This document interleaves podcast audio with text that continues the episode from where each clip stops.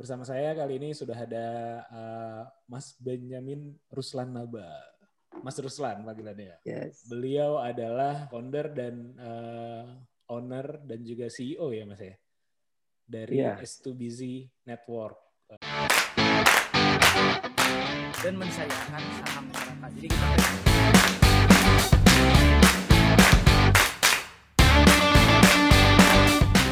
beda sama Jakarta kalau orang Bandung tuh uh, listing investasiin buat sekolah anak. Golf itu something new gitu. Saya kupu-kupu mungkin uh, ayahku tuh satpam gitu kan. Di...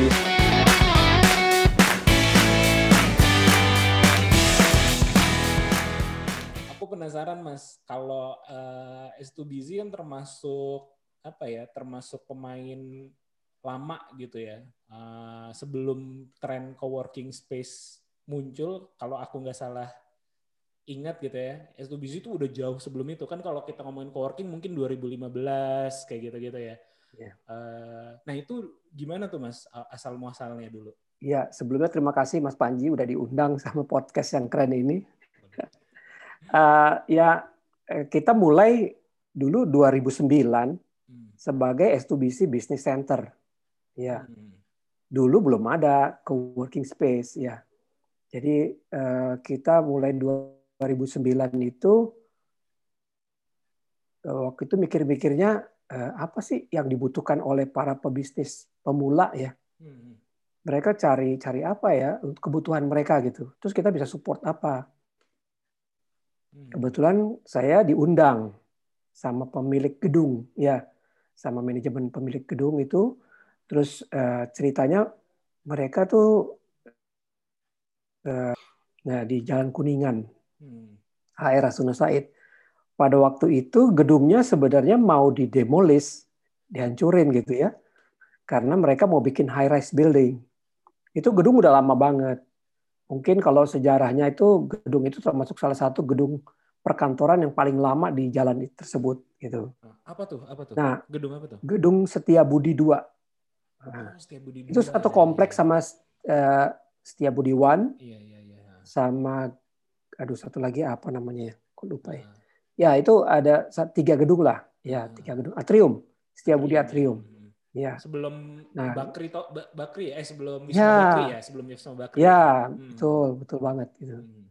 nah terus uh, juga orang-orang yang di tenan-tenan yang di Budi One itu kan entertainment center ya tempat makan tempat nonton gitu itu juga keberatan kalau gedung sebelahnya dihancurin kan berdebu tuh. Nah, mereka kan harus uh, apa tempat makan yang nggak boleh berdebu dong ya, gitu ya. Iya. Nah, tapi sebelum didemolis ternyata 2008 itu krisis ya. Hmm. Krisis moneter, kemudian um, batal ya, hmm. batal untuk didemolis. Mereka yang tadinya uh, jadi pemilik atau manajemen gedung itu udah menolak tenan-tenan yang ada itu untuk perpanjang dan mereka juga tidak menerima tenan-tenan baru gitu. Makanya gedungnya jadi sepi. Ya. Hmm. Gedungnya sepi terus nggak jadi dihancurin terus di, harus dilanjutkan kan. Yeah. Jadi ownernya bilang, "Coba kamu cari ke manajemennya biar cerita. Coba kamu cari siapa yang bisa mengelola uh, aula atau business center supaya membuat rame gitu ya hmm. gedung ini gitu. Nah, terus kita udah pernah berhubungan sama mereka sebelumnya di 2004 ya, di 2004. Hmm. Terus kemudian eh, kita diundang, kita dia ajakin untuk mengelola sebuah aula atau business center. Hmm. Nah, terus eh, mereka sediain ruangannya, eh, mereka sediain furniture-nya. Jadi kita tinggal operasionalnya aja gitu. Ya. Nah, terus begitu kita apa setuju, nah mulailah eh, sepakat ya kedua belah pihak, mulailah di bulan eh, April, 1 April kita mulai di 2009. Ya. Nah, kemudian ya udah kita undang deh teman-teman semua training provider untuk gunakan tempat itu hmm. makin lama makin rame gitu ya. Nah, ada ruang-ruang kosong di bagian apa begitu begitu masuk di lobi itu, Iya, lobby itu. itu ada ruangan yang kosong juga bekas eh, toko roti. Terus kita diminta untuk apa menggunakan tempat itu untuk beberapa kegiatan. Kita jualan buku tuh, jualan buku murah, Hmm. ya sama Gramedia. Rame tempatnya, rame. Nah, satu bulan setelah kita selesai jualan, ruangan tersebut disewa gitu. Hmm. Ya. Ya, akhirnya eh, kita kita sendiri dikasih tempat di ruangan yang berbeda Iya. gitu. Yang ruangan di lobby itu untuk kita bikin kegiatan lah supaya rame di gedung itu. Eh, akhirnya ya gedung itu mulai per- perlahan-lahan rame. Setelah satu tahun 100% occupied gedung itu. Ya, jadi ya lumayan ya kita punya andil untuk meramaikan sebuah gedung yang udah sepi ya waktu itu ya. Hmm. Karena eh, luasannya cukup gede ya waktu itu 450 meter persegi Iya, iya. ya. Sebagai business center ada ruangan aulanya, di situ bisa berbagai kegiatan setiap minggu ada kegiatan yang bisa mengundang 200 orang, seminggu bisa dua tiga kali gitu ya. Iya. Jadi akhirnya rame lah gedung itu ya, juga mulai terisi gitu. Hmm. Itu 2009 tuh, 2009 ya kita mulainya. ah, 2009. Hmm. Terus eh, 2016 eh, kita mulai eh, co-working space di eh, Jalan Walter Monginsey di, di Kebayoran Baru. Nah, beberapa tahun sebelum itu, sekitar tahun 2012 ya, eh, saya pernah ngobrol, eh, tahu Mas Yansen Kamto kan ya? Iya, tahu. Mas Yansen. ya, ya, Kibar dulu juga sewa di tempat kita di STBC Kuningan. Nah, sempat satu waktu kita ngobrol karena dia banyak kegiatan dengan Google, kita ngobrol-ngobrol. Terus eh, dia bilang, Pak, kalau mau bangun lagi, bikin lagi business center, jangan business center ya namanya ya, Hmm. tapi co-working space gitu. Oh ya, co-working space kayak apa tuh? Googling aja Pak. Nah, Saya googling, ih keren-keren ya iya. ada kantor seperti itu gitu. Tapi kan kita memang nggak ada rencana untuk ekspansi gitu ya. Hmm. Terus eh, satu waktu di 2015 akhir kita ketemu lokasi yang di. Walter Mongit City itu. Hmm. Nah ngobrol-ngobrol, ngobrol-ngobrol, eh, akhirnya mulailah kita di bulan April juga ya Hmm. satu April kita mulai eh, di tempat itu. Nah ya kembali lagi kita kontak tuh teman-teman yang dulu bekas yang bikin yang bikin kegiatan di tempat kita, kita undang juga eh, Yansen dan kawan-kawan untuk mengisi tempat itu, mulai rame tuh, ya Hmm. udah di situlah kita mulai eh, co-working space. Nah, tahun 2016 itu April eh, kita kita temu co-working pertama 2017 16 ya. 2000, aku juga lupa tuh, 2017 kalau nggak salah ya. 17 ya, Nah, bulan Mei ya. salah 17. Bulan Iya, Mei kalau nggak salah ya. bulan. Nah, ya, dulu tengah tahun. Nah, Nah, kalau iya. belakangan kan ke akhir ya. Di tahun. Nah, Ah. itu jadi eh, Ap- April kalau nggak salah kita berdiri kita mulai utak-atik tempat itu eh, Februari Hmm. 2016. Terus Aprilnya ngobrol sama teman-teman eh, pendirinya CID Iya. gitu. Diundang eh, di pertemuan pertemuan awal gitu. Udah terus kita datang ke Bandung deh tuh, temu Iya. coworking. Iya, iya, iya. Jadi 2016 tuh. 2016 ya. Berarti mulai eh, ke Iya. coworkingnya 2016, tapi ke bisnis Iya. eh, bisnis ya penyewaan, Centernya. ah, bisnis center atau Iya. penyewaan space itu dari 2009. Nah, eh, Iya. aku pengen tarik mundur sedikit nih, Mas. Eh, itu kan apa ya? Kalau di masa sekarang itu kayak good to be true tuh. Maksudnya tiba-tiba ada pemilik Iya. gedung menawarkan, eh tolong cari pengelola kita. Kalau zaman sekarang ada beberapa sih kayak gedung BUMN yang kayak gitu-gitu, tapi memang sih Iya. kayak tender atau apa kayak gitu yang kita nanti eh, Betul. propose program atau propose bagaimana kerjasamanya kayak gitu-gitu. Nah, sampai ke titik ditawarin ngelola gedung tuh gimana sebelumnya? Kalau aku lihat, Oh, eh, Oke. aku lihat kan eh, kuliahnya teknik sipil ya di Iya, eh, iya. apa di Unpar. eh, Unpar gitu. Nah, Ah. apa ada hubungan sebelumnya memang udah biasa building Oh. atau eh, dikonstruksi seperti itu sehingga channelnya ke pemilik-pemilik gedung tuh banyak seperti itu. Enggak sih. Jadi uh. kita uh, 2000 itu uh, 97 sampai 2000 saya kerja di Accenture ya. Uh, dulu Anderson Consulting. Uh, belakangan tahun 2000 mereka ganti nama jadi Accenture. Nah, terus uh, akhirnya setelah saya selesai dari Accenture, saya bikin konsultan bareng temen dan akhirnya kita bikin uh, apa konsultan sendiri dan training untuk publik gitu. Nah, jadi kita pindah-pindah tempat lah ya. Uh, satu waktu ada karyawan dari pihak pengelola gedung yang di Setiabudi itu ikutan seminar kita gitu. Seminar Terus dia itu, bilang uh, atau trainingnya itu temanya tentang apa? Tentang uh, saya kebanyakan di SDM. Oh SDM. Saya di SDM hmm. di manajemen perubahan gitu ya. Hmm. Nah terus di eh, kita ada beberapa juga topik yang berbeda tapi pembicaranya lain gitu ya. Hmm. Saya juga sering jadi pembicara. Nah terus kemudian kita uh, diundang sama uh, orang yang pernah ikut kegiatan kita untuk ketemu sama bos-bosnya gitu. Hmm. Ternyata para direktur, manajer yang uh, masih satu grup tuh dengan Jakarta Setiabudi Internasional TBK gitu. Hmm. Nah, gedungnya itu di gedung Skyline Building atau Menara Cakrawala sebelahnya Sarinah. Iya, iya, sebelahnya iya, Sarinah. Iya, betul. Nah, itu itu kebanyakan perusahaan Jepang. Nah, paling atas itu ada dua ada dua wing, ada dua wing ya, dua dua area gitu. Karena uh, kayaknya towernya kayak kembar gitu deh. Uh, ya, ya, itu uh, apa? Luasnya seribu meter gitu. Mereka udah bikin bisnis center sebenarnya. Hmm, hmm, hmm. Ada ruang-ruang training, seminar untuk banyak orang gitu. Ya. Tapi mereka pengen diskusi sama kita gimana cara menjual paketnya Nah, karena saya udah sering menggunakan tempat-tempat seminar gitu, jadi saya diajak diskusi lah gitu. Nah, diajak untuk jadi partnernya mereka lah untuk sewa di situ. Akhirnya kegiatan kita pindah ke situ gitu. Saya juga ajak teman-teman training provider pindah ke situ gitu. Ya udah, mulainya dari situ sampai suatu waktu kita dibilang kita diajak untuk mengelola tempat itu. Setelah mereka jalan dua tahun, eh, saya diajak untuk eh, mengelola tempat itu. Tapi saya belum ready gitu. Hmm. Waktu itu kita belum ready.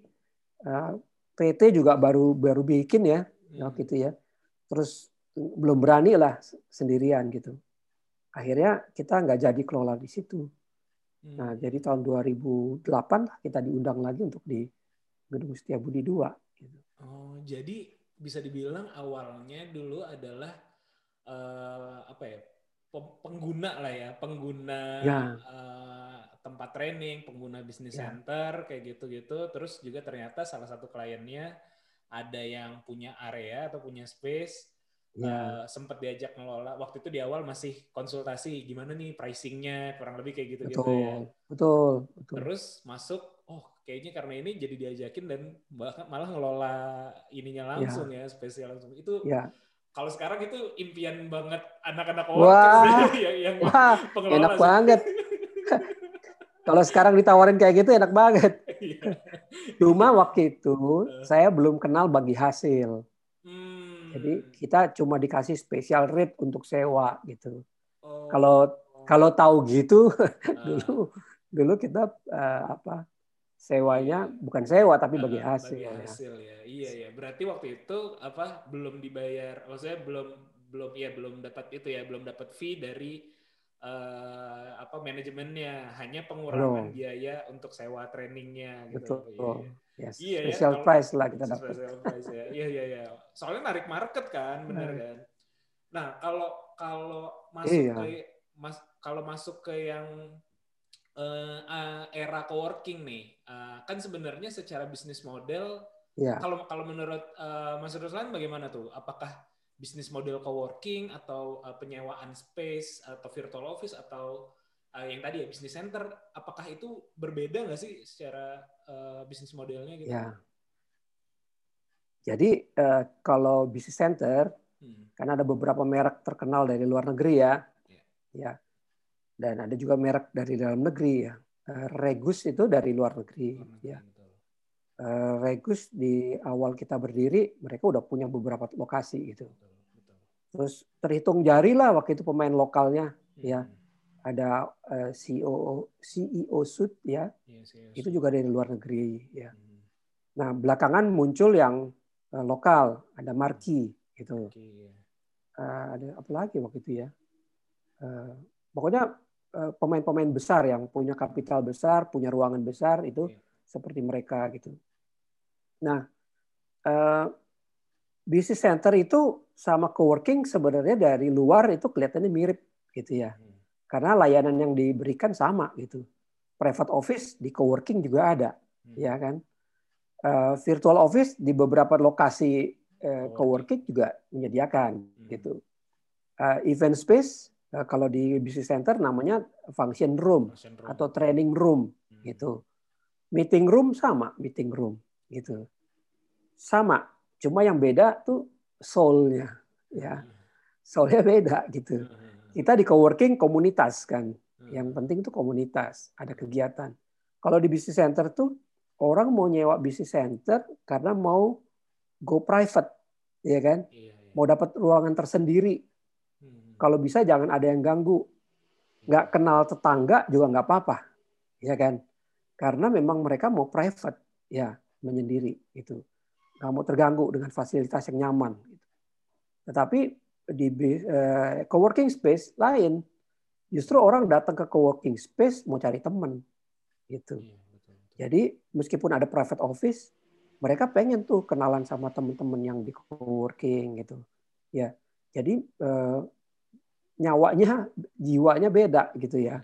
Iya, iya. Yang sana mau menyepi, yang di sini justru mau rame-rame gitu kan, berkolaborasi, ya. Hmm. Nah, makanya uh, co-working space itu sebenarnya lebih cocok ya untuk orang Indonesia. Karena orang Indonesia kecenderungannya mau bersosialisasi, oh, iya, ya mau ya. ya komunal lah ya, hmm. terutama Bandung. Bandung orangnya komunal banget gitu. Iya, iya. Jadi apa-apa pengen ketemu, apa-apa pengen bikin kegiatan hmm. kelompok, organisasi, ya reuni kayak gitu-gitu, komunitas gitu. Nah itu lebih cocoknya memang co-working gitu. Ya. Di awal-awal kita agak kaget tuh. Ya. Kita pikir yang penting sediain space aja. Hmm. Ini cuma kita waktu itu menganggapnya bisnis co-working space itu eh, tahap selanjutnya dari bisnis bisnis center. Yeah. Awalnya gitu, jadi cuma sediain space, ya. Terus uh, apa? Orang kita tawarin space, space, space melulu gitu ya. Oke lah, sekarang kita punya ruang meeting yang namanya event space gitu kita tawarin juga gitu. Tapi orientasinya space gitu. Nah, pas waktu kita ikut temu coworking yeah. di Bandung, mm-hmm. terbukalah mata kita ya. Teman-teman cerita uh, intinya adalah uh, community. Ada community manager gitu. Apalagi nih? Mm. Bayangan saya apalagi ini ya? Sesuatu yang berbeda ternyata nih. Yeah, yeah. Kita salah nih selama ini udah jalan waktu itu hampir setahun ya kita udah jalan itu salah kita space space aja yang kita tawarin gitu nah begitu kita tahu kita ubah itu dulunya kita punya sejumlah tenan yang sewa atau tenan yang uh, private office dan virtual office virtual office lumayan banyak tuh ya nah terus kita ubah tuh uh, karena karakteristik penyewanya bisnis center, baik dia sewa private office ataupun virtual office atau meeting room, itu transaksional, ya kan? Hmm. Uh, hari ini dia sewa, terus setahun dia sewa, dia pakai segala fasilitas. Nanti setelah setahun kemudian kita tanya, kita kasih uh, apa warning gitu, kamu mau lanjutin sewa apa enggak gitu, hmm. ya. Terus barulah kita ketemu sama klien itu, terus dia sewa lagi nyambung satu tahun lagi gitu. Hmm jadi betul-betul hanya transaksional. Hmm. Ya, nggak ada engagement sama sekali. Hmm. Boro-boro gitu. Mau hmm. kasih tahu eh ada event apa hari ini, eh ada uh, hal yang baru atau layanan baru di STBC. Nggak ada tuh. Business center nggak begitu. Ya, business center betul-betul transaksional gitu. Nah, begitu coworking kan beda, ya. Kita mesti bikin program, kita bikin acara, kita ajak komunitas main di situ, komunitasnya bikin event, undangin orang, undangin para tenan-tenan kita gitu. Jadi betul-betul beda gitu ya. Yang Hmm. ini sibuk dengan segala kegiatan program supaya rame kegiatan di tempat Hmm. kita. Kalau di business center, kalau bisa jangan ada kegiatan ya. Iya, iya, iya. Karena orang mau private gitu. Hmm. Kita juga belajar ya eh, kayak WeWork gitu ya. Iya. Kayak WeWork itu bagus banget. Sebenarnya itu fasilitasnya business center, Iya, gede gitu ya. Betul. Terus kita pelajari juga eh, WeWork itu di seluruh dunia itu area untuk coworking space-nya yang open space itu cuma 10%. Hmm. Kalau di Asia mereka 20% karena orang Asia lebih komunal seperti itu. Ya, tapi itu business center yang gede banget fasilitasnya, mereka berapa lantai dan campuran antara business center sama coworking space. space. Tapi nyawanya udah coworking Iya. karena penghuni-penghuni private office-nya juga happy Iya. kalau ada acara. Mereka melakukan eh, ngobrol gitu, networking Hmm. dengan teman-teman yang ada di coworking. Jadi Iya. bedanya di Seoul antara business center sama coworking space gitu. Hmm, oke. Itu belakangan kita tahu setelah Iya, iya, setahun. Iya, iya. Iya, betul. Makanya kadang-kadang juga saya ngerasa eh, karena saya juga pengguna eh, office ya kalau untuk di Jakarta Iya. eh, untuk bisnis atau startup saya juga kita sewa office gitu. Oke. Walaupun eh, ya, ya pengennya sih kita dapat yang coworking, cuman kebetulan ada salah satu partner yang ini juga di di salah satu tadi merek yang disebutkan dari luar itu lah. Ah, Nah, walaupun Iya. mereka juga ada dalam tanda kutip eh, service coworkingnya, tapi tetap nuansanya Iya. berbeda sih memang. Beda. Beda, beda nuansanya atau Iya. soulnya gitu. Walau mereka Iya. misalnya yang tadi ya salah satu merek itu mereka bilang "Eh, ini kita ada paket coworking, tapi tetap aja Hmm. soulnya Iya. tetap eh, Iya. apa ya mindsetnya mungkin kayak ya tadi mindset Ya. eh, apa namanya ya transaksional aja jatuhnya sih. Ya.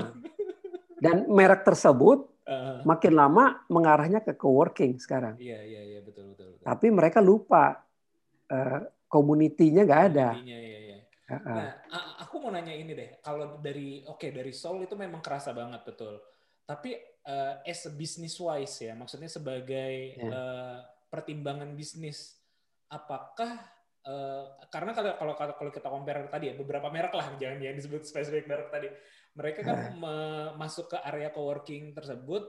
Kalau di awal-awal saya kira tuh hanya dalam tanda kutip kayak gimmick aja, kayak karena lagi naik jadi nilai jual kayak gitu. Ya, Eh, terus juga kalau makanya agak teledor di masalah community buildingnya kayak gitu atau ada Ya, manajer community betul. community-nya belum ada kayak gitu.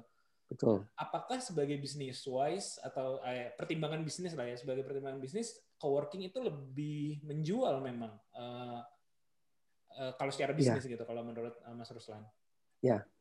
Kalau kan pernah wawancara sama Faye ya, Iya. Mas Panji ya. Iya betul pernah. Kalau juga kita lihat kita tanya-tanya sama teman-teman lah. Hmm.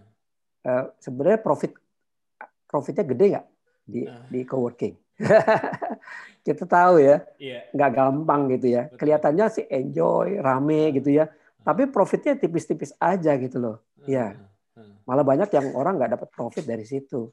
Bisnisnya bisa profit karena ada private office, Betul. karena ada event space, ya ruangan event space kan lumayan kalau disewa itu, Betul. ya daripada kita dapat uangnya hanya dari orang yang masuk day to day untuk coworking space gitu. Hmm. Iya. Ya pasti lebih banyak yang private office, ya sebulan sekali gitu atau tiga bulan sekali, atau dari event space. Kalau satu minggu lima hari kerja tiga hari aja selalu diisi sama event space, pasti udah profit lah Betul. coworkingnya gitu. Tapi kalau misalkan nggak ada yang lain kecuali coworking, Hmm. orang sewa cuma 100 ribu paling mahal Hmm. sehari gitu, Hmm.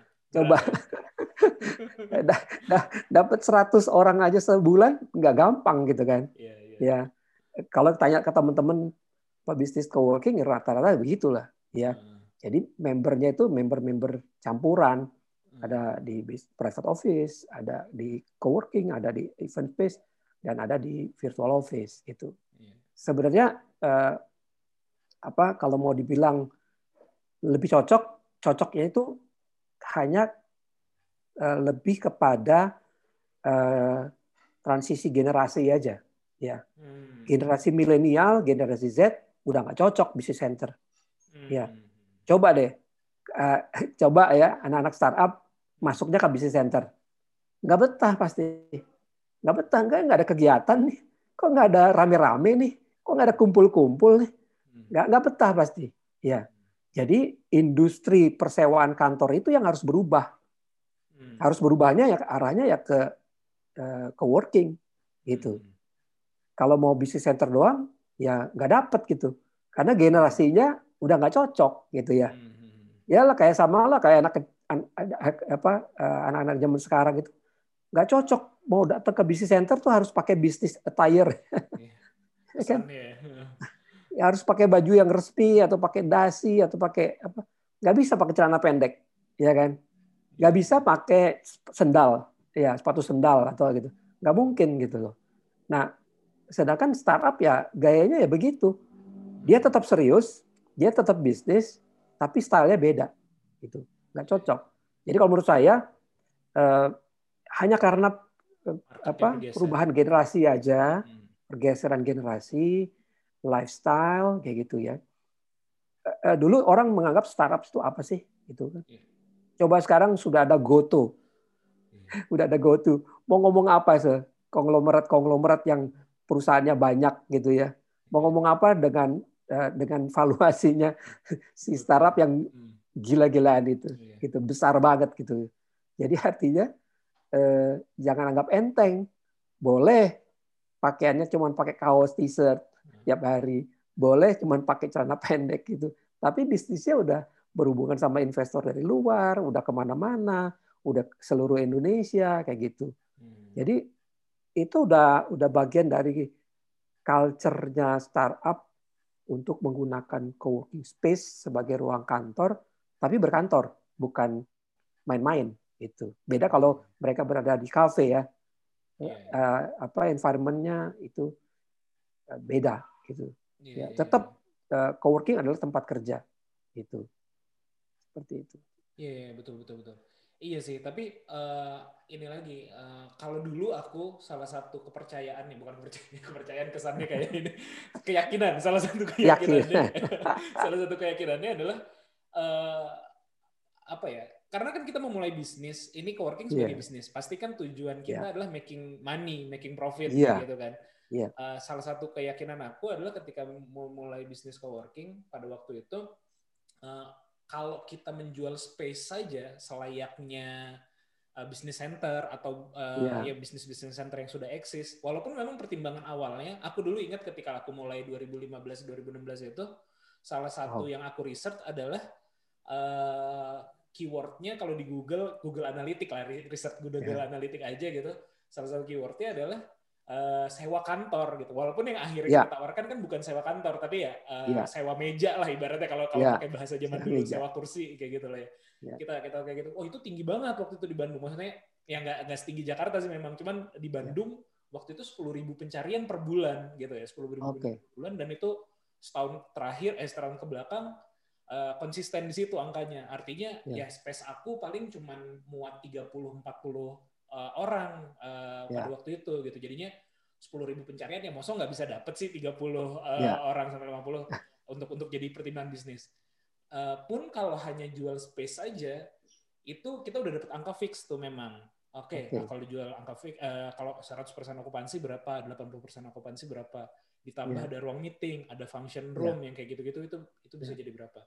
Tapi salah satu keyakinan aku pada waktu itu kenapa akhirnya mulai ada faktor X-nya yang bisa jadi eh, apa ya namanya eksponensial. Heeh, Nah. yaitu adalah sistem satu pertama sistem membership-nya. Jadi memang style pricing-nya bukan hanya jual kursi lah ibaratnya atau jual Ya. space tapi keanggotaan itu kan yang pertama. Ya. Yang kedua adalah event. Kalau kita bikin event kita bisa eh, ya untuk member mungkin gratis, tapi kan kita bisa eh, membuat sesuatu yang berbayar. Nah, kalau event itu sampai berbayar dan rame kan eh, itu ada faktor X-nya yang bisa leverage si profit kita tadi kayak gitu sih eh, pada waktu itu.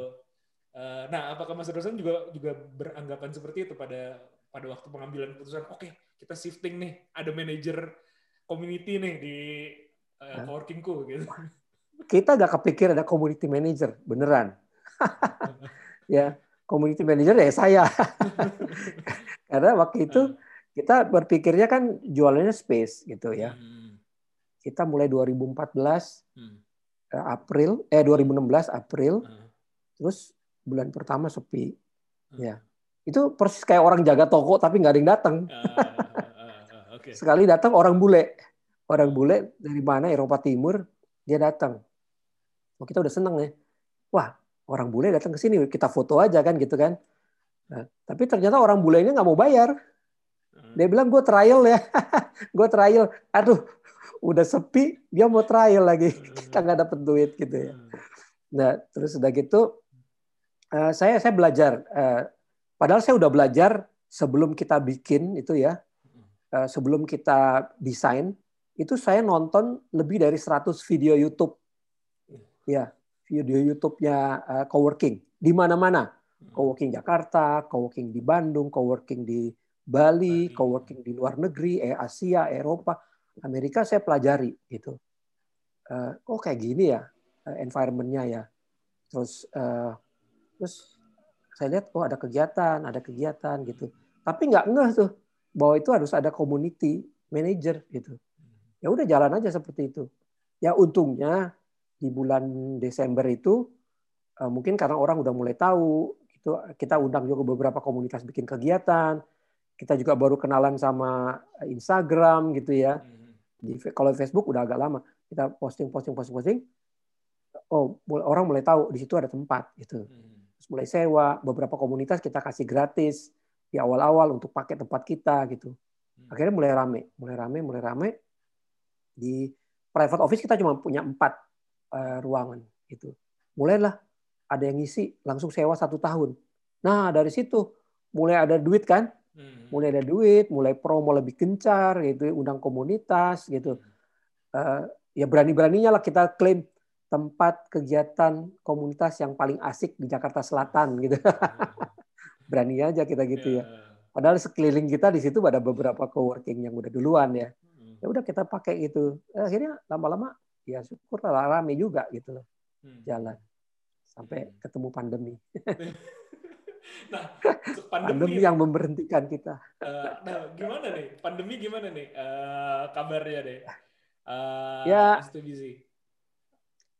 karena eh, ya kita pada akhirnya kembali ke kelompok yang sama dengan business center ya Hmm.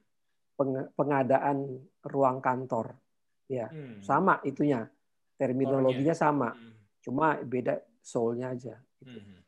Eh, kita sampai hari ini masih tetap ada permintaan untuk orang bikin event. Saya pikir ini pasti anak yang anak-anak muda nih yang mau bikin event. Soalnya 70 orang bayangin. Rame. bikin acara. Pasti anak-anak generasi muda ya nggak mungkin orang-orang yang eh, yang membuat kantor atau meeting ya. Ini acara nih gitu. Nah kita masih terima tuh seperti itu. Tapi kita udah udah nggak beroperasi lah ya. Nggak beroperasi eh, ya ikutin aja psbb ikutin aja ppkm gitu ya Hmm. terus eh, kita ya praktisnya nggak nggak beroperasi sih ya Hmm. Tapi karena kita banyak klien di virtual office, Iya. mau nggak mau suratnya masuk keluar masuk keluar tiap hari itu banyak gitu. Hmm. Nah makanya tim S2BC harus standby untuk Hmm. bisa melayani dokumen-dokumen tersebut gitu. Hmm. Tapi orang untuk pakai ruang meeting ya kita batasi paling cuma lima orang, nggak boleh banyak gitu. Iya. Kalau orang mau video conference bisa pakai satu ruangan, satu dua orang doang gitu loh. Hmm. Jadi memang nggak inilah. Makanya kita mulai transisi ke digital. Hmm. Ya, kita kencengin di virtual office. Hmm. Kita kencengin di e-learning, ya founder program itu. Hmm. Karena eh, susah nih, ya kan? Nggak ada orang yang bisa tahu di seluruh dunia COVID ini sampai kapan. Iya, ya kan? betul, betul, betul. Kalau kita mau survive, ya mau selamat gitu ya, ya harus transisi ke digital. Jadi eh, hanya memenuhi kriteria sebagai eh, business center yang bisa operate virtual office aja itu. Hmm. Jadi eh, ya kita beruntung karena sudah sempat punya database klien yang cukup banyak karena sudah mulai dari 2009 hmm.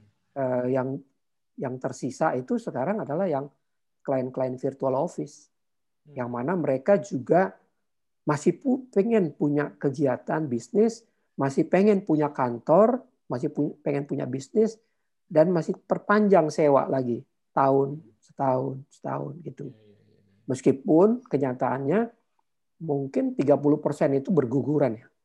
Berguguran. Hmm tetap kerasa ya berguguran itu. Kerasa, kerasa. Hmm. Namanya kan kita startup sama UKM, yeah. target market kita, hmm. ya teman-teman itu. Jadi uh, ya dulu, dulu waktu mereka datang sewa itu semangat. Hmm. Pak kita mau sewa virtual office di sini. Hmm. Oke, okay.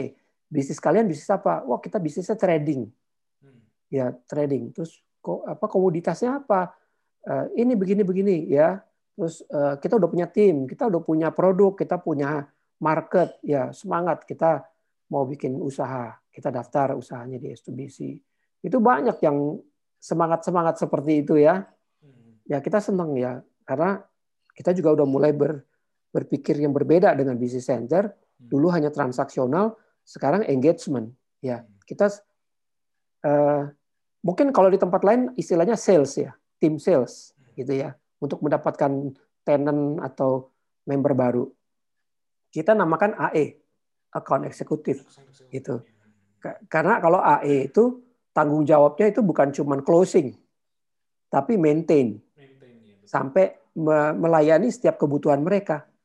Ya, kalau ada komplain, kalau ada eh, service baru atau pengumuman baru, program baru, ada acara, mereka yang bertanggung jawab untuk menyebarluaskan kepada si Eh, klien-klien atau eh, tenant-tenant kita gitu ya. Nah setelah masuk pandemi mulai itu satu persatu tuh. Berguguran. Sedih ya sedih banget kita. Karena jumlahnya nggak sedikit banyak gitu. Jumlahnya banyak banget. Iya, lebih dari 100 lebih dari 100 Wah, iya. Lebih dari 100 nah terus uh, kita sampai bikin program empati ya. Kita bikin program uh, gratis tiga bulan, jadi hanya bayar 9 bulan sewa, karena bayarnya kan per tahunan. Terus kita kasih kesempatan mereka untuk boleh nyicil, nangsur, ya uh, dua kali minimal, sampai ada yang datang ke kita, Pak terima kasih, S2BC udah kasih saya diskon tiga bulan, udah kasih saya boleh ngangsur dua kali, tapi usaha kita nggak bisa survive, Pak di pandemi ini. Kita harus eh, nggak bisa nyambung sewa lagi, gitu ya. Terus kita bilang gini, Pak, eh, kebetulan suami istri, Pak, Ibu, Bapak Ibu nggak usah pikirin bayar sewa deh. Ya, pokoknya asal bisnisnya masih bisa survive, kita support, gitu. Nanti kalau udah ada dana, baru bayar sewa. Terima kasih Pak, kita kayaknya nggak bisa survive, gitu. Itu banyak yang kayak gitu di pandemi ini. Ya, kita kerasa banget ya. Dulu kita promosiin tuh virtual office adalah cara paling praktis untuk mulai berbisnis. Ya, paling praktis dan paling ekonomis ya. Itu. Ya, e, mereka kita kasih kartu nama sehingga bisa langsung networking gitu.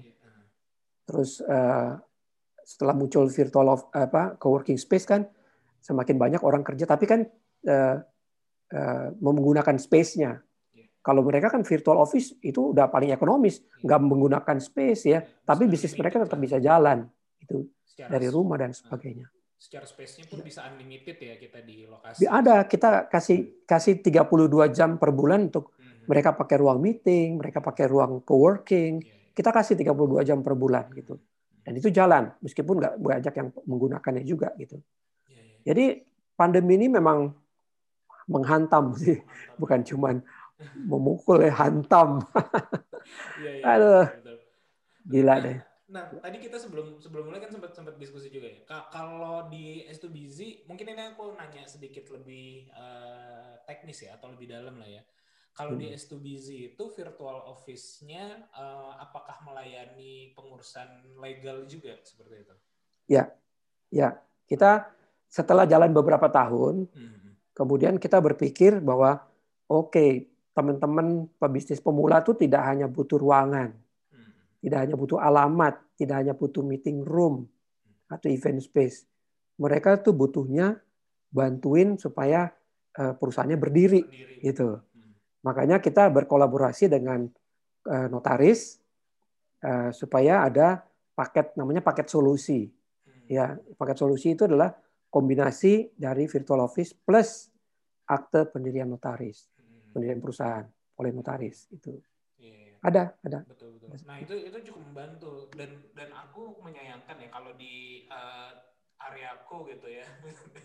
itu agak ini uh, agak secara regulasinya agak kurang mendukung gitu. Jadi aku uh. sudah mulai ada pemberat eh bukan pemberantasan apa pembatasan lah ada pembatasan bahwa misalnya oh iya ini Eh, nggak uh, boleh lebih dari berapa kayak gitu-gitu loh yeah. untuk, untuk ininya. Padahal yeah. kan memang sebenarnya kalau aku lihat ya, uh, terutama mungkin ya aku nggak tahu sih apakah aturan ini memang per masing-masing daerah berbeda seperti itu. Yeah. Karena kalau sebenarnya kalau kita tujuannya bisnis kan dengan adanya legal, dengan adanya uh, badan hukum, si perusahaan itu jadi terikat dengan pajak kan, sehingga sekitar perusahaan berkembang, pajaknya jadi tinggi juga seperti itu. Nah, Ya. Kalau di tempatku sih agak disayangkan seperti itu sih jadinya. Ya. uh, oh iya jadinya jadinya kita kalau kayak kalau sebagai bisnis gitu ya si sebagai bisnis si uh, space-nya gitu atau uh, co-working atau virtual office-nya itu itu jadi ini apa namanya ya ya jadi berkurang juga pemasukan kan ya. artinya kita oh iya maksimal apa cuma ada sekian yang boleh ini gitu nah itu ya. itu ini sih menurut nah, menurut Mas gimana tuh kalau di luar negeri kayaknya open open aja ya semua begitu ya ya mungkin mereka juga ada ada panduannya ya. Ada panduannya. Misalkan yang nggak yang boleh menjalankan usaha hmm. atau sebagai operator virtual office misalnya minimal luasannya 100 meter persegi misalkan hmm. gitu ya. Uh, ini juga bagus juga ada pembatasan ini supaya uh, apa nggak sembarang orang bisa bikin usaha virtual office ya. Karena pertama namanya virtual office saja udah membuat orang jadi ragu ya bisnis lo di virtual office gitu. Eh, bisnis apaan gitu kan? Takut-takutnya eh, kantornya aja virtual gitu kan. Gimana gue bisa datang ke kantor lo gitu kan? Itu udah membuat orang berpikir gitu. Eh, dulu sih begitu ya, awal-awal 2009 2010 itu kantor lo di mana virtual office virtual office gitu. Kayaknya apa gitu. Tapi belakangan orang udah ya biasa virtual office gitu loh. Memang setiap orang kalau mau mulai ya yang praktis, yang ekonomis ya virtual office nanti dia berjenjang gitu kan. Nyewa private office atau nyewa yang lebih besar gitu. Nggak di business center lagi tapi sewa langsung sama landlordnya gitu. Iya, iya. pemilik gedung. Nah itu udah jadi common practice ya. Nah kalau kalau menurut saya ya kalau mudah-mudahan kalau regulator mendengar lebih bagus nih. Eh, kita pandemi ini mengecil ya kan? Semua perusahaan tuh resize ya di DKI saat ini sampai tanggal 28 Juni nanti itu uh, hanya 25 persen saja orang yang boleh uh, ke kantor WFO, ya 75 persen WFH, ya. Nah, ke depan itu uh, akan akan begitu kurang lebih ya, tidak lagi 100 persen karyawan di sebuah perusahaan itu ngantor, ya. Uh, survei di Amerika itu ada 39 persen orang yang kalau dipaksa sama bosnya untuk ngantor lagi, work from office, mereka milih untuk resign. Nah, ya karena apa? Udah jadi habit gitu ya. Kita work from home itu udah jadi habit. Bukan lagi hanya untuk menghindari pandemi COVID, tapi juga udah jadi habit. Orang ya seperti Mas Panji sendiri udah ngalamin kan, udah setting-setting tempat ya, ya. udah atur-atur tempat untuk bisa bikin video conference ya. ya. Sudah punya ruangan tersendiri barangkali gitu. Hmm. Jadi setiap orang selama dia bisa mengatur tempatnya, dia udah alokasiin tuh tempat satu tempat di rumahnya untuk melakukan kegiatan online gitu. Hmm. Nah, jadi ke depan eh, kantor-kantor akan menyusutkan jumlah karyawannya gitu. Terus kantor-kantor dari sisi SDM atau business owner juga udah mulai berpikir, eh ternyata perusahaan kita tetap bisa running ya. Hanya dengan 50% orang yang berkantor 50% lagi WFH. Terus nanti setelah dikurang-kurangin, diteliti lagi, eh sebenarnya kita nggak perlu punya banyak karyawan. Ya, karena semua itu bisa dihandle. Selama ini kok kita boros banget ya SDM-nya ya. Kayak gitu. Terus dari sisi si SDM-nya sendiri mulai berpikir, ngapain juga gue mesti uh, bergantung sama satu perusahaan ini. Saya misalkan web designer. Selama ini saya melayani satu perusahaan saja gitu. Begitu di pandemi saya dapat lowongan-lowongan, dapat opportunity-opportunity dari teman-teman saya untuk bikin web design. Gitu. Saya bisa dengan kompetensi saya, saya bisa melakukan untuk banyak perusahaan, nggak satu perusahaan lagi. Maka dari itu akan muncul banyak freelancer, akan muncul banyak kreator gitu. Jadi resign bukan suatu suatu keputusan yang sulit sekali gitu ya. Karena justru dengan resign dia jadi punya peluang yang lebih banyak itu akan menjadi tren tuh. Ya Amerika aja sebelum pandemi ini salah satu uh, uh, profesi yang yang menonjol di masa depan menurut uh, estimasi mereka hmm. Itu adalah virtual assistant, hmm. ya business coach, ya hmm. freelancer itu justru akan mendapatkan uh, uh, apa opportunity lebih besar di masa depan, apalagi setelah pandemi ini gitu. Jadi Eh, gedung perkantoran uh, akan sangat challenging ya. Mereka punya begitu banyak ya. Di beberapa kantor di Jakarta tuh 50% kosong. Ya. Uh, gedung-gedung baru yang baru berdiri belum sempat punya tenant atau baru dapat tenant sedikit udah kosong tuh. Ya. Ya, menyedihkan memang. Terus jadi orang sekarang akan mencari mungkin coworking coworking yang dekat dengan perumahan. Hmm. Ya. Jadi coworking uh, sebaiknya berada di uh, pinggiran, pinggiran, bukan di tengah kota lagi. Hmm. Mendekati uh, si siapa orang-orang pekerja itu, hmm. gitu. Kalau owner sih ya, ada ada properti di di Serpong, hmm. dia udah fokus ke Soho, hmm. small office, office. small small office small home office, home office ya. Yeah. Nah, jadi uh, jadi pilihannya itu. Tapi hmm. yang punya Soho kan owner, ya kan? Yeah. Owner dari sebuah PT perusahaan atau startup. Yeah. Anak buahnya tetap nggak mau ngantor di Soho itu. Mereka maunya WFH gitu. Hmm. Nah makanya uh, coworking perlu berada di pinggiran-pinggiran, hmm. ya.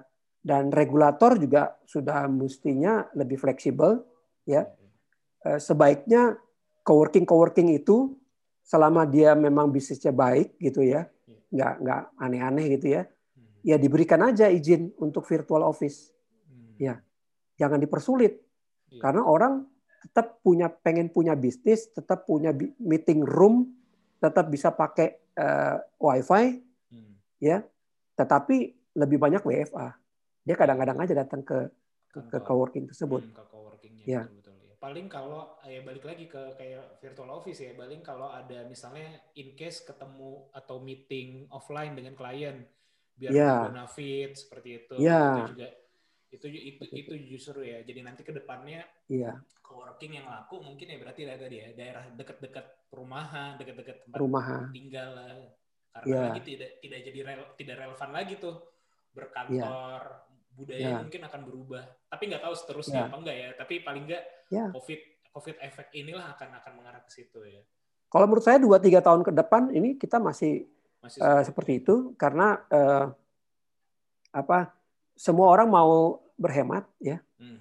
Semua orang yang selama setahun COVID ini mungkin punya tabungan juga udah menipis ya. Hmm. Terus uh, orang harus cari peluang baru Eh, kantor-kantor juga udah mungkin udah memberi gaji juga udah dikurangi udah nggak 100% persen ya mungkin sebagian eh, perusahaan juga eh, tidak memberi THR atau memberi THR hanya sekian persen gitu demi supaya perusahaannya bisa survive jadi penghematan lah jadi pemerintah sebagai regulator di mana pun di seluruh Indonesia yang melayani banyak para pekerja yang di perkantoran ya mungkin harus juga fleksibel ya memberikan izin kepada coworking coworking di pinggiran-pinggiran itu hmm. untuk bisa provide service-nya uh, apa virtual office. Virtual office ya, gitu. betul, betul. Kalau aku Gitu sebagai business owner juga atau eh, apa yang menjalankan startup juga sekarang ke karyawan kita 50% sih yang Iya. berkantor kayak gitu. Pun kemarin ada beberapa yang rekrutan baru betul kayak programmer gitu ya, terutama eh, ya terutama programmer dia bilang, "Oke, Pak, eh, saya ini eh, tapi saya WFH aja nggak apa-apa nggak kayak gitu karena Iya. eh, saya di rumah bahkan udah setup setup dia bilang kayak gitu juga Betul. sama kayak gitu jadi udah cukup ini oh iya sih kalau developer juga kan nggak terlalu apa ya maksudnya eh, Harus fisik hadir harus ya. fisik. tapi kalau kita undang ke kantor atau meeting Ya. eh, offline atau ketemu klien ya masih bisa jadi memang memang memang betul sih relevannya karena akan seperti itu pun Iya. orang-orang yang eh, secara bisnis eh, secara apa ya eh, ya tadi ya startupnya juga jadi lebih enak juga jadi nggak perlu ada biaya rutin yang besar Betul. lagi kan kayak gitu ya Betul. betul betul, Iya. betul. Jadi Nah, kalau- new normalnya adalah penghematan di segala lini ya. Segala lini. Ya, jadi semua uh, baik si owner ya, baik perusahaan besar, menengah atau kecil, sama karyawannya semuanya menghemat, ya kan. Ya, uh, buat buat ownernya atau buat uh, pebisnis besarnya, pemilik usahanya, ya dengan cara WFA justru jadi lebih uh, efisien, lebih betul penghematan biayanya. Gitu. Nah, aku pengen pengen masuk ke eh, apa kegiatan yang baru diri bukan diri baru baru ya. Aku lihat udah batch batch ketiga atau keempat ya yang eh, Delapan, oh udah udah udah Iya, ke delapan. S- S2BC Network ini sepanjang pandemi atau mulai dari sebelum pandemi itu ya? Oh, jadi S2BC Network mulainya tuh 2018. Heeh, Ya. heeh. Gara-garanya di akhir Desember 2017 karena teman-teman startup udah mulai banyak menggunakan tempat kita, Hmm, terus sekarang dunia juga udah digital, ngomong apa-apa ngomong data gitu ya. iya. Kita juga ngomong, kita juga mulai berpikir selama ini kita nggak nggak ngurusin banget itu database eh, pelanggan ya. Heeh, Ya cuman ya terdaftar, terdaftar, terdaftar gitu, tapi nggak pernah dipelototin gitu loh. heeh. Datanya gimana? Karena kan Hmm. sifatnya hanya transaksional gitu kan. Betul, betul, heeh. Paling setiap AE bertanggung jawab untuk mengingatkan tahun depan dia harus renewal gitu loh. Hmm, Cuma sebatas itu gitu. hmm, Begitu sudah masuk ke nuansanya ke working, kan mulai nginget-ngingetin ada event, Iya, ada program, bikin ada layanan kegiatan. baru gitu ya. heeh. Nah, mulailah kita berpikir bahwa ah ini kita mulai mikirin database. Sebenarnya pelanggan kita virtual office itu ada berapa? Hitung, hitung, hitung, hitung. Wih banyak juga ya. Kita udah punya 700 klien Hmm, di tahun ke-7 itu ya. hmm. Gitu ya, 700 klien. Terus eh, tapi kenapa yang renewal itu cuma separuhnya ya? Sekitar 350 gitu. Eh, Yang setengahnya ke mana gitu? Kita nggak pernah nanya, nggak pernah urusin itu. Eh, apa nggak pernah tanya gitu. Ada beberapa yang tak yang kita sempat ngobrol, kenapa nggak perpanjang Pak gitu Bu ya? Oh karena eh, proyek kita udah lagi, kita eh, usahanya lagi menurun, kita eh, apa pelanggannya udah nggak ada, ya. Pokoknya intinya bisnisnya decline lah, Hmm, menurun gitu. hmm, hmm. Terus eh, belum semua kita tanyain ya kenapa yang nggak perpanjang itu, tapi kita mulai mikir ya, eh misi perusahaan kita S2BC adalah membantu bisnis startup dan entrepreneur Indonesia agar lebih berhasil. Hmm. Kalau mereka nggak perpanjang karena mereka bisnisnya decline, berarti bisnis mereka kan nggak berhasil nih, Iya. ya tanda petik. Nah, jadi mestinya kita bantuin nih, mesti kita bantuin karena ini misi kita bantuin mereka gitu. Nah, mulailah kita eh, what if ya. Bagaimana seandainya si klien kita ini kita bantuin dari sisi eh, salesnya. Hmm. Ya. Mungkin kita punya teman, misalkan Mas Panji jagoan di sales gitu. Mitra kita, kita ajakin Mas Panji kenalan sama klien kita. Sehingga Mas Panji sempat bantuin dia, salesnya nggak keburu anjlok gitu ya. Hmm. Atau mungkin eh, dia deal sama orang lain karena dia nggak ngerti masalah legal, dia ketipu gitu. Hmm. Bagaimana seandainya mitra kita eh, dampingi dia untuk menjadi eh, penasihat hukumnya gitu Hmm. atau apalagi digital marketing. Kita punya teman-teman yang ngerti digital marketing mungkin bisa bantuin gitu. Hmm. jadi what if what if? Akhirnya kita kumpulin. Kumpulin perusahaan-perusahaan teman-teman kita yang kira-kira mau bantuin mereka. Hmm. perusahaan-perusahaan eh, startup dan UKM eh kita kaget juga ya. Ternyata banyak orang baik, banyak orang baik di Indonesia. Ketemu 50 perusahaan yang mau bantuin. Ada konsultan, ada trainer, ada perusahaan-perusahaan eh, pendukung layanan untuk UKM startup gitu ya. Terus lagi zaman-zaman startup kan butuh mentor. Hmm. Nah, mentor itu ba- bagus sekali perannya di dalam eh, pertumbuhan sebuah Startup, startup gitu ya. Kenapa nggak kita ajak mentor-mentor untuk bantuin si perusahaan itu sehingga dia Hmm. tidak decline gitu. Nah, akhirnya kita kumpulin dari teman-teman SD, SMP, SMA, teman kuliah, teman pramuka, teman kerja macam-macam gitu, Hmm. komunitas eh kumpul 50 mentor yang mau bantuin secara pro bono gitu. Hmm. Wah, keren banget. Terus lama kita pikir, wah, mewah juga ya. Eh, Klien-klien kita yang mau kita bantuin itu dibantu sama 50 perusahaan, dibantuin sama 50 mentor gitu. Terus kita coba cari tahu eh, menurut menurut media kegagalan startup sama entrepreneur itu berapa persen? Hmm. Kita cari eh di majalah Forbes itu eh, most startup fails katanya. 95 persen yang gagal. Betul. Wah, banyak banget gitu ya. Kita cuma 50 persen, bukan cuma ya, banyak itu 50 persen. Hmm. Eh, 50 persen gitu ya. Terus kita berpikir, eh kegagalan-kegagalan seperti ini eh, bukan hanya dialami oleh klien-klien kita, Iya. tapi juga dialami oleh di luar sana, Di gitu luar, ya. betul. Hmm. Nah, terus kita berpikir, eh kalau gitu di seluruh Indonesia kemungkinan rata-rata kegagalan tuh 50 sampai 95 persen kali ya. Hmm. Oke, eh, kita coba menjalankan misi kita. Kita coba bantuin eh, perusahaan-perusahaan yang ada di seluruh Indonesia, gitu. Makanya kita bikin S2BC Network. Hmm. gitu. Tujuannya adalah untuk mengurangi tingkat kegagalan atau meningkatkan tingkat keberhasilan Keberhasilan. seperti itu. Nah, mulailah kita merangkai, merangkai dengan digital eh, platform itu dari 2018. Waktu itu mau Asian Games. Asian Games kan 18 08 18. Iya betul. betul. Kita kita 08 08 18. Oh, 08 oke. nah, itu supaya kita ingat gitu ya. Iya, iya. Nah, kita mulai ya. Kalau di dalam platform nggak ada istilahnya launching. Hmm. Ya, karena platform itu eh, bertumbuh terus. Jadi istilahnya mulai. Kita mulai Hmm. eh, 8 8 18 gitu. Hmm. Nggak gampang ternyata kan untuk mengundang orang. Karena itu kan akan seperti platform Facebook, Iya. kayak platformnya LinkedIn, tapi Hmm. eh, isinya hanya eh, para pebisnis Pebisnis betul. di- yang terkait ekosistemnya. Hmm. Ada freelancer, ada startup, ada entrepreneur, ada mentor, ada co-working space kayak gitu kan. Seperti itu. Bolehlah kita eh, ini. Cuma memang karena waktu itu nggak nggak kayak apa nggak kayak urgent gitu ya, Iya, iya. harus gitu ya. Ah. Begitu pandemi ini, waduh langsung kita berpikir, wah ke- Yang mestinya kita nih, develop yang kita udah bikin ini mestinya Ah. kita develop abis-abisan gitu. Ah. Nah sekarang kita baru mulai develop abis-abisan. Ah. kita ngundang banyak pihak, banyak komunitas. Mudah-mudahan di Juni Juli ini eh, berarti tahun ketiga nih. Agustus ini tahun ketiga, kita harapkan tahun ketiga ini lebih rame. Ya saat ini kita eh, lebih banyak menyediakan konten dulu.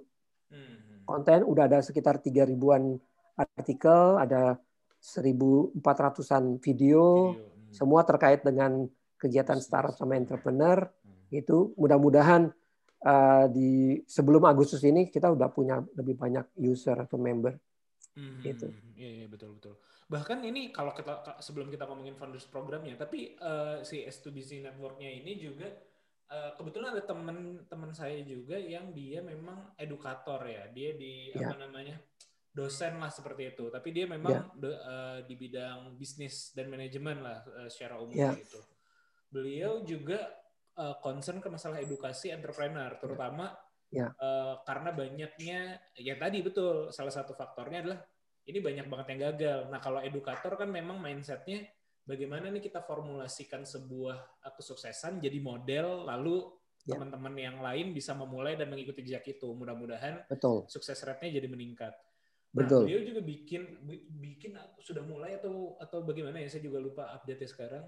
Kurang lebih eh, kayak gitu tuh pengennya ada network atau ada platform Ya. seperti itu dan lebih spesifik lagi walaupun menurut saya agak pendekatannya memang eh, market banget yaitu Ya. kampus-kampus kan sekarang pada bikin atau pada punya program kewirausahaan ya di di betul diwajibkan tuh Betul. di semua kampus kayak gitu. ya Nah, dia Ya. mencoba uh, tap in ke sana gitu biar Ya. uh, mungkin platformnya atau nanti uh, kalau kontennya aku kayaknya nggak nggak sebanyak 3000 dan seribuan video kayaknya belum sih karena baru mulai juga. Tapi dia coba tap in sana agar bisa dipakai di kampus. Uh, walaupun kalau aku memandang pendekatannya jadi kurang praktikal karena kalau di kampus mahasiswa kan hanya mengikuti sebagai kewajiban ya, bukan Ya, benar-benar pengen bisnis gitu. Jadi Betul, nanti betul. sukses rate-nya pasti akan akan bisa jadi anjlok juga karena kan eh, diajarin entrepreneurship ya belum tentu semuanya mau jadi entrepreneur kayak gitu. Ya, itu itu ya. itu itu menarik banget sih Mas Eh, Ya. dan kayaknya ka- kalaupun tadi ya kalau misalnya ada mau koneksi ke kampus atau apa itu kayaknya bisa jadi walaupun Ya. ada agak jadi jadi ini ya jadi tadi ya eh, market aja yang ngejar market Ya. tapi itu itu akan keren banget sih kalau kalau misalnya Ya. bisa dilakukan. Nah, kita kita berpikir sekarang dengan pandemi ini kita berpikir memang eh, apalagi ada GoTo ya yang mengingatkan kembali kepada kita membuat eh, para startup founder itu menjadi lebih pede gitu ya sekarang ya. Mau startup itu nggak bisa dianggap enteng. Kalau dia berhasil, berhasilnya luar biasa Hmm. dan impact-nya luar biasa gitu. Kalau perusahaan-perusahaan konvensional kan mungkin perusahaannya gede, Iya. tapi impact buat masyarakat sekitarnya mungkin nggak begitu banyak gitu. Betul. Tapi kalau startup dimulai dengan problem kan. Ya selalu kita anjurin dimulai dengan kita ajarin juga dimulai dengan problem. Hmm. Begitu dia berhasil, dia menyelesaikan banyak problem sebenarnya gitu. Nah, kita lihat ya sekarang pandemi. Banyak orang WFA. Hmm. Kedua eh, terus eh, apa? Kita melihat bahwa sekarang eh, gotong royong ya. Kita bisa tetap bisa survive nih Indonesia nih kalau kita gotong royong dan tumbuh bersama. Ya, nggak mikirin diri sendiri ya. Harus lebih banyak empati kepada masyarakat ya kepada orang lain bukan hanya untuk diri sendiri ya gitu. kalau enggak nanti yang yang selamat cuma yang banyak uang doang Betul, betul. ya yang nggak punya banyak uang terpuruk gitu nggak bisa kita harus gotong royong gitu nah ketiga eh, dengan sharing ekonomi ini eh, kita tidak lagi berpikir eh, pengen punya di mana-mana ya Hmm. S2BC dari dulu nggak punya pikiran sama sekali untuk punya co-working space atau business center di mana-mana Hmm. Banyak yang ngajakin ya dari berbagai tempat berbagai kota gitu ya mau buka dong di Bali mau buka dong di Bandung mau buka dong di Jogja gitu Hmm. kita nggak nggak kepikir ke sana sama sekali Hmm. kita malah berpikir ya teman-teman yang ada di situ aja yang berkembang Iya, gitu. iya, ngapain orang-orang Jakarta harus masuk ke daerah-daerah iya. ke kota-kota lain gitu Hmm. ngapain mesti berdiri kita kolaborasi aja ya makanya waktu kita kan pernah sempat berpikir tentang ada co-working visa ya supaya dengan satu visa ini kita bisa masuk ke masing co-working co-working Iya. agak susah diterapin kalau kita menerapkannya gini misalkan dengan ruang reka nih Hmm. kita berkolaborasi Iya. simple aja pokoknya berapapun rate di tempat kamu Hmm. kalau ada membernya S2BC datang Hmm. ke Bandung mau bisa kerja di ruang reka Iya, iya. tapi dapat diskon 15% Iya, iya. dari harga kamu bukan harga S2BC Iya. ya kan nah kamu dapat pemasukan. Dapur Hmm. tapi dapat penghasilan meskipun 15% di diskon gitu Iya. sebaliknya membernya ruang reka datang ke Jakarta bisa mampir di S2BC Hmm. dapat diskon 15%. Udah resiprokal aja begitu Iya, betul. ke semua antar anggota uh, co-working space. Hmm, co-working space. betul. Jadi nggak ribet, nggak ribet ya kan Hmm. untuk bikin satu kartu apa segala nggak usah. Ya. Nah, kita berpikirnya seperti itu ya Hmm. supaya teman-teman di mana pun di kota seluruh Indonesia itu tetap bisa berkembang gitu co-workingnya. Nggak harus tergantung sama uh, Jakarta gitu ya. Iya, iya, nggak harus nggak harus pemain Jakarta main-main ke sana untuk membuat membuat coworking menyaingi lokal gitu ya. Iya. Nah, terus eh, juga dengan dengan konsep seperti tadi, sebentar, saya Iya, iya. mesti nyalain dulu. Iklimnya udah sharing ekonomi Sharing gitu loh. ekonomi, Kita betul, betul. kita nggak harus punya punya di mana-mana. Tapi kita punya di mana-mana karena kita punya teman di mana-mana gitu. Jadi tumbuh bersama, Hmm. tumbuh bersama gitu ya. Hmm. Nah, eh, itu satu. Hmm. ya kita harus tumbuh bersama dengan situasi seperti ini apalagi ya nggak bisa menang sendirian Hmm. terus yang kedua eh, justru dengan pandemi bisa membantu pihak karena semuanya bisa online Hmm. dulu kita founder program ngajar offline ya pesertanya ya mungkin nggak nggak bisa banyak banyak ya eh, setelah online kita jadi punya banyak peserta dari berbagai kota gitu kan. Nah, jadi kalau misalnya tujuan kita gotong royong, uh, saya ingat satu pernyataan dari Kaufman Foundation.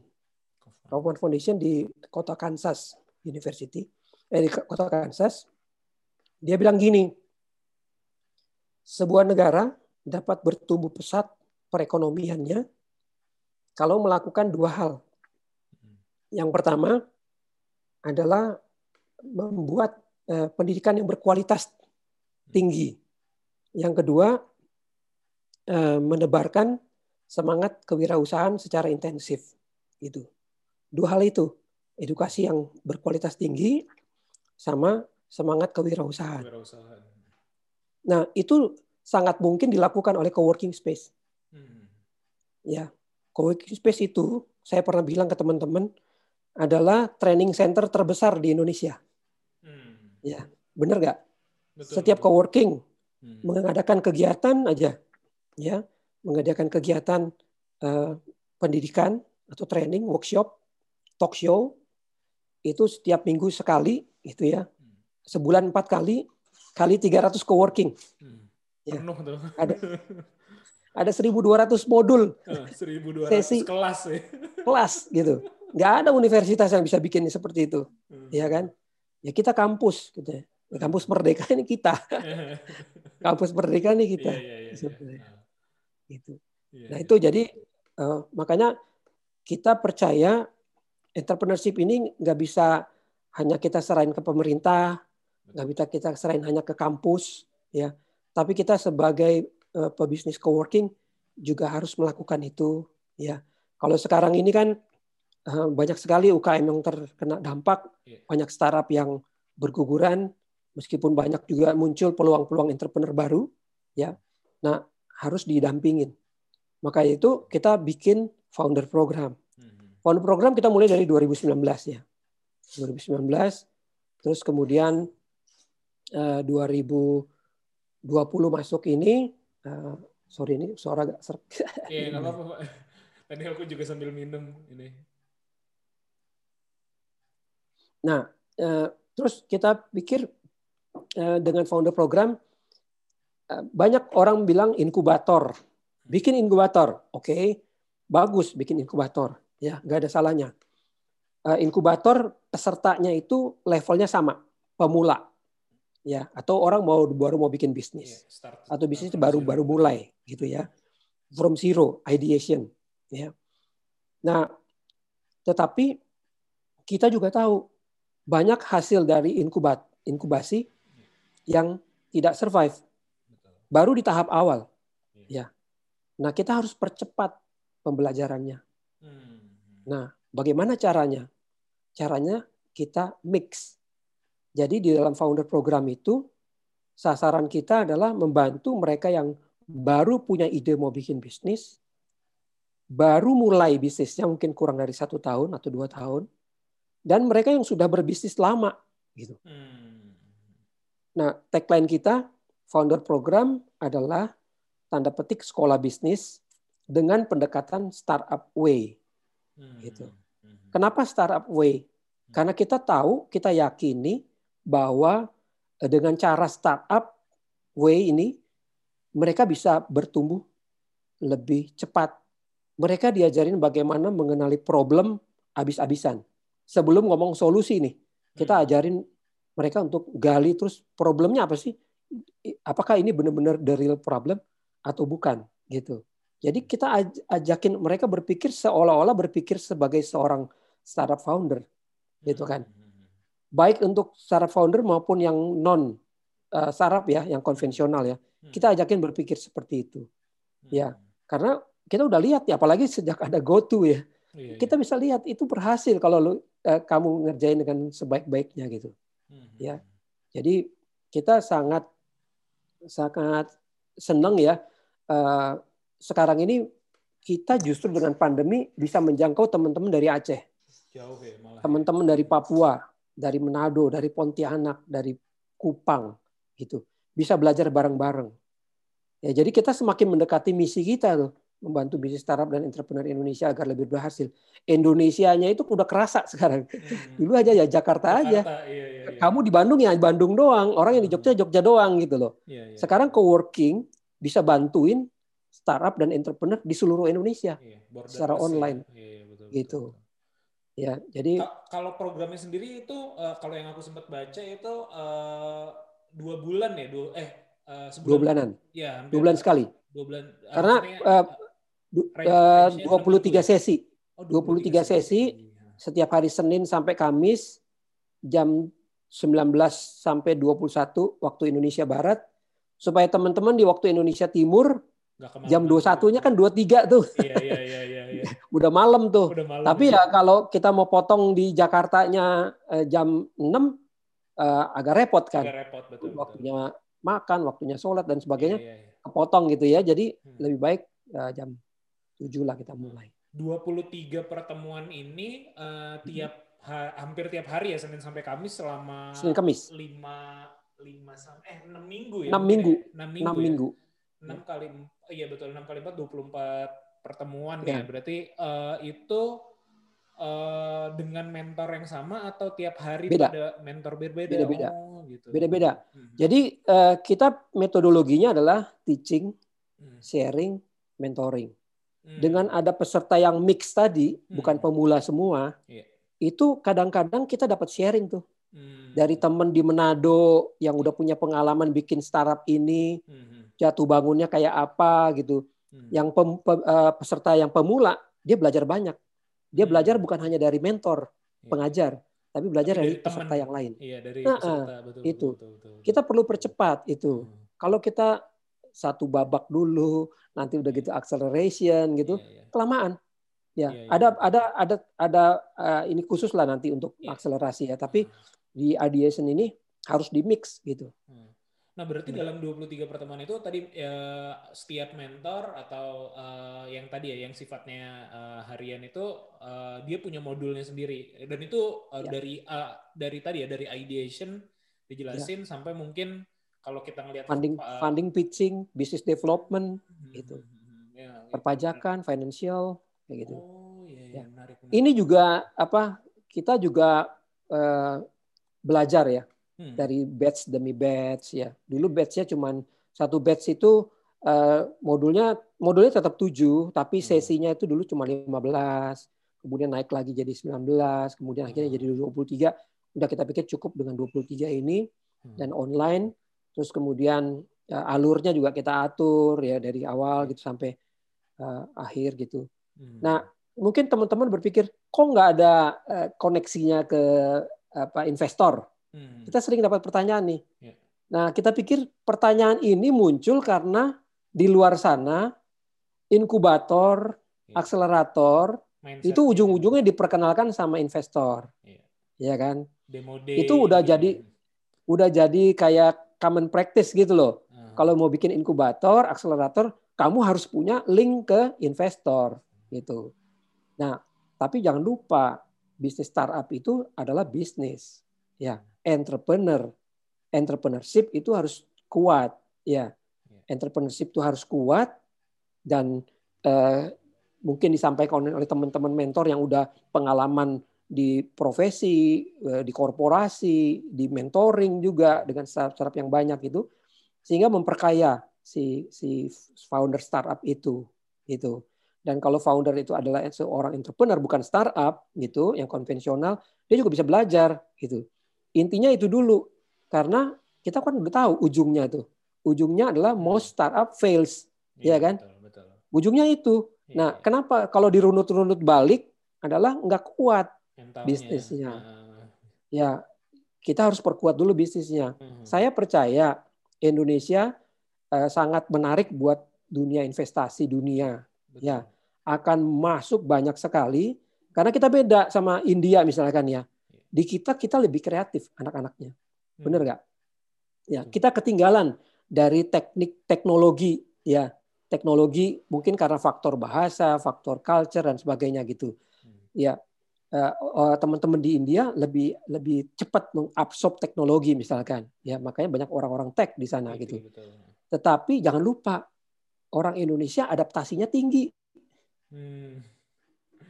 Iya, iya, iya. Ya, ini bisa tetap survive karena bangsa Indonesia adaptasinya tinggi gitu. Meskipun bandelnya juga besar, bandel-bandel. Ya kan orang kreatif kelar-kelar. dengan bandel tuh beda-beda tipis lah. ya beda tipis. Karena out of the box. Iya, Dilarang ini dilakukan malahan. iya, iya, Ya. iya. Kayak gitu. Hmm. Tapi saya percaya ya kita tuh eh, kemarin ya ada satu ungkapan bagus mena- menarik sekali ada satu eh, apa mahasiswa atau startup gitu dia ikut program In- Indonesia Bangkit Hmm. oleh Kemendikbud ya. Iya, teman. Nah itu kan disupport oleh Google, Gojek, Tokopedia, Traveloka. Iya. Itu semuanya kan startup yang udah jadi eh, Dekakon dan Unicorn ya. Hmm. Itu dia bangga banget. Terus saya ucapin selamat di LinkedIn. Terus dia bilang eh, apa? eh, saya percaya Pak Indonesia tuh kuat gitu. Iya, iya kita percaya harus percaya itu Indonesia kuat gitu dengan keberagaman kita dengan startup dan milenial yang banyak gitu ya 60% itu milenial itu kita kuat gitu. Ya kita kreatif bangsa yang kreatif. Kita bangsa yang eh, apa agile ya. Eh, bangsa yang eh, apa tough lah gitu loh. Ya nah itu ha- harus didukung dengan entrepreneurship yang seperti tadi dikatakan oleh Kaufman Foundation. Hmm. Iya, iya, betul. sekarang kalau tanya aja teman-teman yang kemarin kerja di, di profesional kantoran apa pilihannya untuk survive jadi entrepreneur Iya, betul, betul. ya kan di rumah istrinya tadinya nggak ngapa-ngapain gitu Hmm. atau istrinya sibuk kegiatan yang lain gitu tiba-tiba sekarang harus dapur ngebul ya udah jualan apa deh Iya, iya. jadi do- jadi jadi apa eh, dropship ya atau jadi reseller Iya, gitu iya, kan. iya. Yang paling dan ternyata itu dilakukan oleh banyak orang Hmm. dan berhasil ya kan gitu. Iya, iya. iya. Kalau Ya. kalau uh, founder programnya uh, sedikit lagi uh, terkait dengan itu berarti itu program uh, untuk peserta berbayar kan ya kalau untuk di situ ya? berbayar Hmm. berbayar tapi kita tahu ya nggak setiap daerah itu sama gitu Iya. kapasitasnya ya Hmm. karena itu kita kasih eh, apa Beasiswa lah ya. beasiswa Hmm. kita beasiswa eh, bahasanya karena ini edukasi ya bah- beasiswa ya Beasiswa betul. itu bukan bukan diskon bukan Iya. gratis gitu ya Eh, tapi beasiswa harapan ke depannya kita mau mengajak teman-teman di korporasi untuk support ya mungkin Hmm. korporasi nggak punya program Iya, iya, iya. tapi korporasi punya dana jadi dari dana ini kasihlah uang sekolah uang sekolah ini Hmm. untuk menyekolahkan para founder startup dan entrepreneur ini di Hmm. founder program seperti itu. tapi ya karena belum mulai ya dari S2BC sendiri yang memberikan beasiswa beasiswa yang iya iya iya. Ya ini sih memang memang apa ya? eh, ya memang banyak tadi ya kalau kalau kalau kita bilang bisnis coworking tuh community, terus juga engagement dan segala macam. Lalu juga secara umum ya kalau kita ngomongin di segmen coworkingnya, ibaratnya untungnya nggak besar besar banget, tapi memang ada kepuasan Ya. pribadi juga sih ada ada Setuju. apalagi ditambah dengan eh, tadi ya eh, misinya masing-masing pasti yang terjun di sini ya tentu saja bukan mindsetnya uh, money doang gitu, uang doang Ya. gitu pasti pasti kita Betul. oh iya edukasi ini bagaimana mengembangkan Ya. entrepreneurship, give back to the community yang kayak gitu Ya. gitu. Jadi kita kita kita yang mulai bisnis coworking mungkin nggak dapatkan sekarang ya Iya. ya orang-orang ngomong profit kita nggak dapat profitnya sekarang hmm, tapi kita akan punya kebanggaan luar biasa manakala eh, startup itu berhasil one day Iya. dia akan cerita gitu loh Hmm. dulu saya mulainya di coworking ruang reka hmm. gitu ya kan? Iya, betul. saya masih ingat banget waktu saya masih culun. Ah, saya di ruang Ah, reka mulainya. Saya dapat pendidikan entrepreneurship situ. Saya dapat teman bisnis situ. Saya dapat co-founder saya di situ. Itu jauh lebih bermakna daripada profit-profit yang konvensional harapkan di awal-awal. Iya, Seperti iya, iya, iya. Oke, Mas Ruslan, eh, Iya. kita udah cukup panjang banget nih nggak kerasa. iya udah lebih nih. Iya makanya aku juga, oh udah setengah, hampir setengah sembilan. Nggak apa-apa saya Eh, seneng eh, seneng udah diundang Eh, iya, eh, thank you banget waktunya nih. eh, sukses terus buat eh, S2BZ, S2BZ Sama-sama. Network. sama ruang Eh, reka dan juga kita bisa accomplish ya. Maksudnya eh, apa ya? Bukan cuman eh, mudah-mudahan ya pandemi ini kan ujian lah gitu atau eh, Iya. ombak lah ibaratnya. Semoga kita Ombak. tidak tergilas, tapi justru bisa menungganginya jadi Betul. kayak apa namanya server lah ibaratnya. Ya, jadi, betul. jadi malah peselancar lah di ini Ah, mudah-mudahan dan juga sukses betul. founder programnya aku support support banget uh, beberapa kali Ya, nanti uh, apa aku sempat oh ya aku like like atau aku share di story Iya. uh, karena itu uh, keren sih dan mudah-mudahan bisa langgeng terus dan tadi korporasi join lah ini. Iya, korporasi join lah. aku bisa konekin eh tapi kemarin ada temenku juga yang bikin tapi dok kayaknya udah dengan nggak tahu dengan yang lain ya dari dari Medco dia sempat juga bikin bikin program yang kayak gitu gitu mungkin nanti Ya. coba Sekarang menurut saya semua korporasi harus turun gunung, betul betul bantuin dunia entrepreneurship di Indonesia. betul. Eh, bikin pelatihan yang banyak, bikin akselerasi, eh, inkubasi yang banyak ya, tapi dengan yang berkualitas gitu. Supaya 5 6 5 10 tahun ke depan eh, kita punya banyak entrepreneur tangguh Ya. iya. Yang lahir di masa pandemi. Iya betul betul justru itu ya, ya. oke mas aku akhiri dulu ini ya recordingnya Terima ya, kasih biar banyak. kita- nanti kita ada terima kasih sekali lagi terima kasih juga buat eh, yang sudah dengerin sampai akhir semoga obrolan kami ada manfaatnya Eh, sampai ketemu di podcast ngobrol bisnis berikutnya bye Terima kasih. terima kasih